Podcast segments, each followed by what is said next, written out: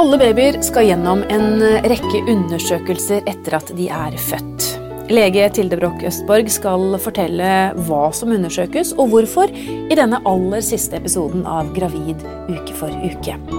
Jordmor Anette Teggen Mikkelsen skal snakke om livet med baby, overgang fra jordmor til helsesøster, og hvem du kan snakke med i ukene og månedene fremover.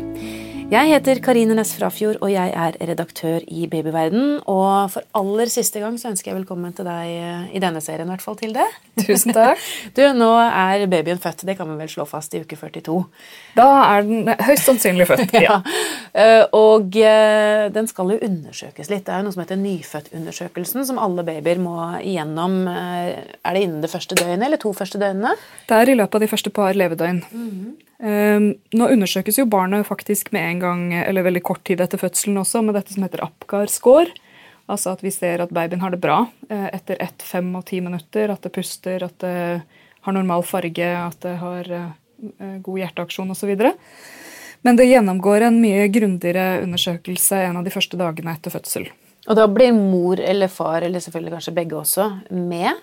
Ja. Eh, barnet eh, til en barnelege, da, eller?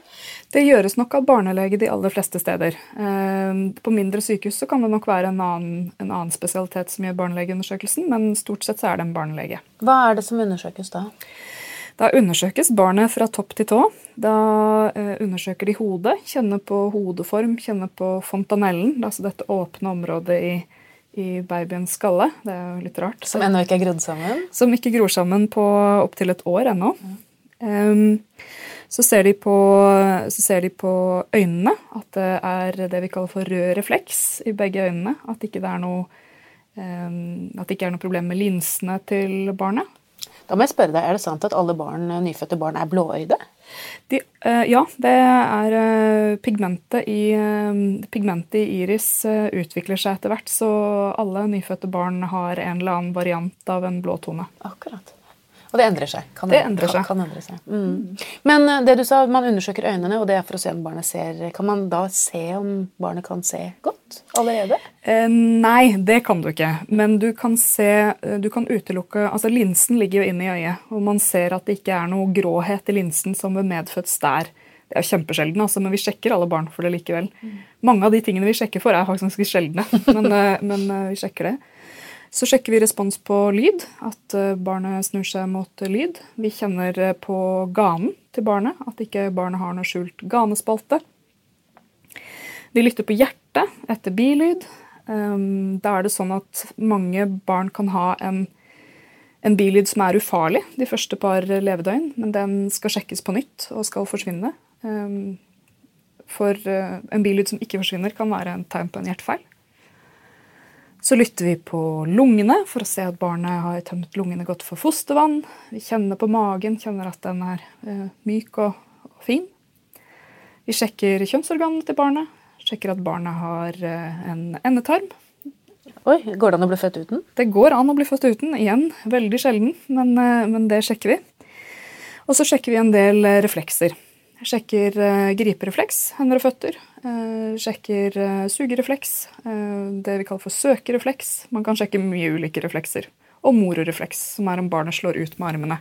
Da sjekker man at det har god bevegelighet i begge armer. Så det er på en måte Nå kan godt hende jeg har glemt noen ting. Sjekker man hofter så tidlig? Ja, det, det glemte jeg. Det er faktisk en av de viktigste delene av barneundersøkelsen. Eller nyfødtundersøkelsen. Det er sånn at um, noen barn fødes med ustabile hofter. Og det vil si at uh, hoftekula ikke sitter godt inne i hofteskåla. Uh, og det sjekker man med noen som stabilitetsundersøkelser for å se om det er noe knepp uh, på noen side av hoftene. Og er, man, er, det mistanke, eller hvis barnet har ligget i seteleie over tid, så gjøres det en ultralyd i tillegg for å, for å sjekke dette. Og kanskje må barnet da i pute, hvis det er noe Kanskje må barnet i pute. Ja. Men det er mye bedre å ha et barn i pute, altså oppdage det der og da, enn å oppdage senere. Ja. Ja.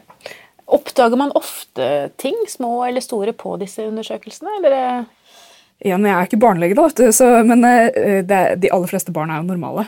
Um, det vi ikke nevnte, er at det også tas rutinemessig blodprøve av barnet for å utelukke sjeldne sykdommer som har med stoffskifte eller metabolisme å gjøre. Gjør det vondt? Er det mange som lurer på da når man skal stikke en nål i et nyfødt barn? um, det er jo eh, det er på en måte en, eh, det er jo ikke noen blodprøve hvor man stikker noe dypt. Det er jo et helt overfladisk stikk i en hæl. Så um, jeg kan ikke utelukke at det er litt ubehag, men de sykdommene som avdekkes med det, er så alvorlige og behandlbare at det tror jeg man skal strekke seg langt i og, tillate helsepersonell å gjøre. Ja. Men det er jo trygt da, tenker jeg, at vi har et så omfattende undersøkelsesprogram nærmest når, når babyer blir født her i Norge. Mm. Sånn at vi får, eh, ja, For avdekket om det skulle være noe, som da heldigvis er veldig, veldig sjelden. Mm. Og, det, og, det, ser vi faktisk med økende innvandring, litt sånn digresjon, men at um, det er ekstremt eller det er veldig veldig, veldig sjelden at alvorlige hjertefeil forblir uoppdaget hos barn i Norge. Men uh, for de som kommer fra tredje verden, så er det jo ikke helt uvanlig. Så det er klart at denne nyfødtundersøkelsen gjør at man oppdager en del ting som vil gå ubehandlet hvis man ikke gjør det. Så sjelden at man finner noen ting, men de tingene man finner, uh, følges opp. En annen ting som jeg tenkte en del foreldre får et møte med på sykehuset, det er jo dette med gulsott. Ja, Hva kan du si om det? Hva kan vi si om gulsott? Um, Gulsott er jo en samlebetegnelse på at eh, man er gul i huden. Hos eh, voksne er det et uh, mye mer alvorlig tegn enn hos spedbarn. Grunnen til at spedbarn får det, er nedbrytning av røde blodceller. Og så er ikke leveren deres moden nok til å ta seg av avfallsstoffene hurtig nok, og da blir man gul i huden. Um, Grunnen til at man følger med på det, er at uh, hvis man har mye av dette stoffet, som vi kaller for bilirubin, um, så kan det avlæres i hjernen og gi skade.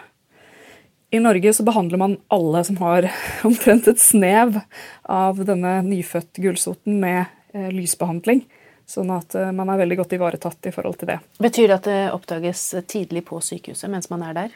De aller fleste oppdages på sykehuset. Hvis det skulle oppstå etter at barnet har kommet hjem, altså hvis man merker en økende gulhet i, i hudtone etter at barnet har kommet hjem, så skal man kontakte sykehuset. Og da blir barnet da plassert i denne kassen. Er det eneste behandlingen? Ehm, I utgangspunktet så er lysbehandling eh, den primære behandlingen for nyfødt gulsott. Og de fleste, eh, hos de fleste så går jo dette over i løpet av noen dager.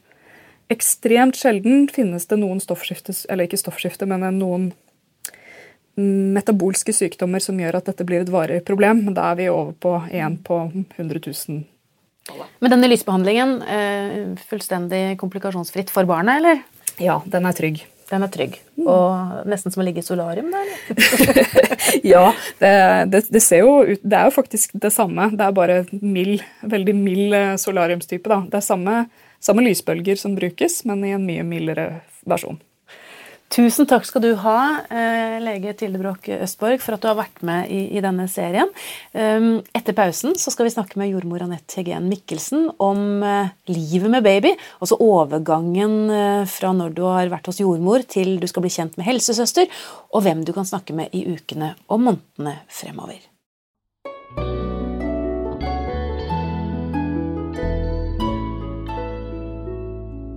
Ja, I uke 42 så har man født. Nå har vi hørt om nyfødtundersøkelsen, hva som skjer med babyen. Men hva er det som skjer med mor da, Anette Gen Mikkelsen, tenker ja. du? Eh, vi har snakket veldig mye om amming eh, i forrige episode. Mm. Eh, og så, så, er det jo sånn at det skjer mye med, med mor også. Eh, nå i uke 42 så har jo de fleste kommet hjem. Eh, mm. Vi har ikke så mye med jordmor å gjøre lenger, men man blir kanskje overført til en helsestasjon. Er det sånn da at alt fokus er på babyen, eller går det an fortsatt å spørre om ting som skjer med seg selv? Ja, det gjør det.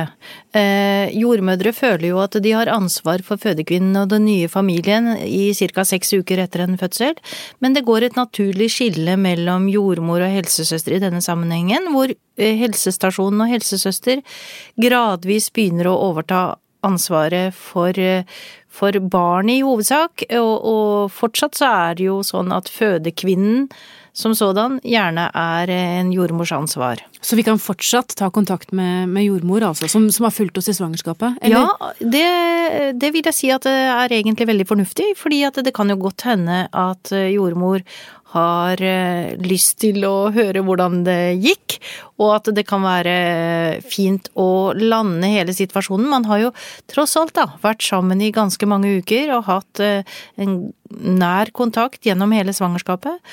Og kanskje til og med hatt fødselsforberedende kurs eller fødselsforberedende samtaler. Og da er det veldig naturlig å avslutte samarbeidet med jordmor gjennom å fortelle hverandre litt om hvordan situasjonen opplevdes. Alle kvinner skal jo også ha en seksukerskontroll, og jeg vet eh, at ja. noen eh, privatpraktiserende jordmødre også tar den i stedet for eh, legen. Ja, det er litt viktig å huske på at du som fødekvinne eller barselkvinne nå, eh, kan velge hvor du ønsker å ta denne seksukerskontrollen. Eh, mange steder er det naturlig å gå til fastlegen, mens andre steder, mer og mer etter hvert nå, så er det sånn at jordmødrene gjør denne seksukerskontrollen. Og så får jeg også ofte spørsmål om må seksukerskontrollen være akkurat seks uker, og det må den ikke.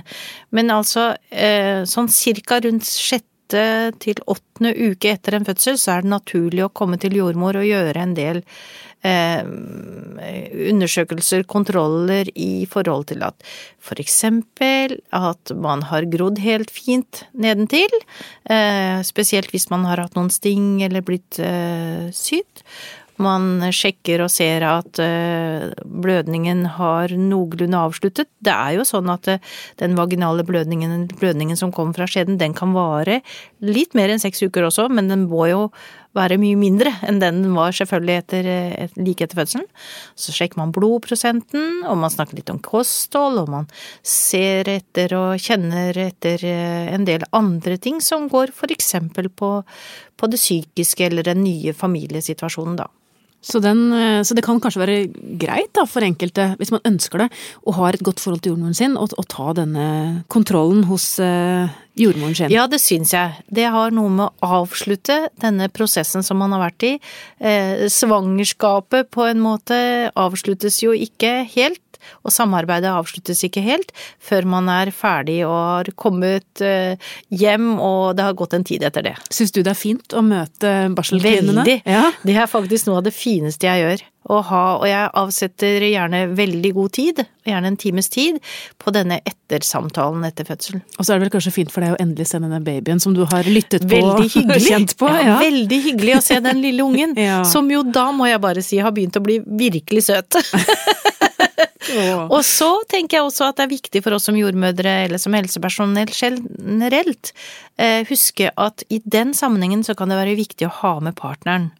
Fordi at eh, vi har jo snakket om at det kan være en ganske sterk opplevelse og ganske heavy å oppleve en fødsel som partner, og hvis man i den sammenhengen sitter igjen med følelser rundt eh, ja, det kan være veldig sterke ting som man kanskje har opplevd at man tenkte at dette går veldig dårlig, her dør både mor og barn.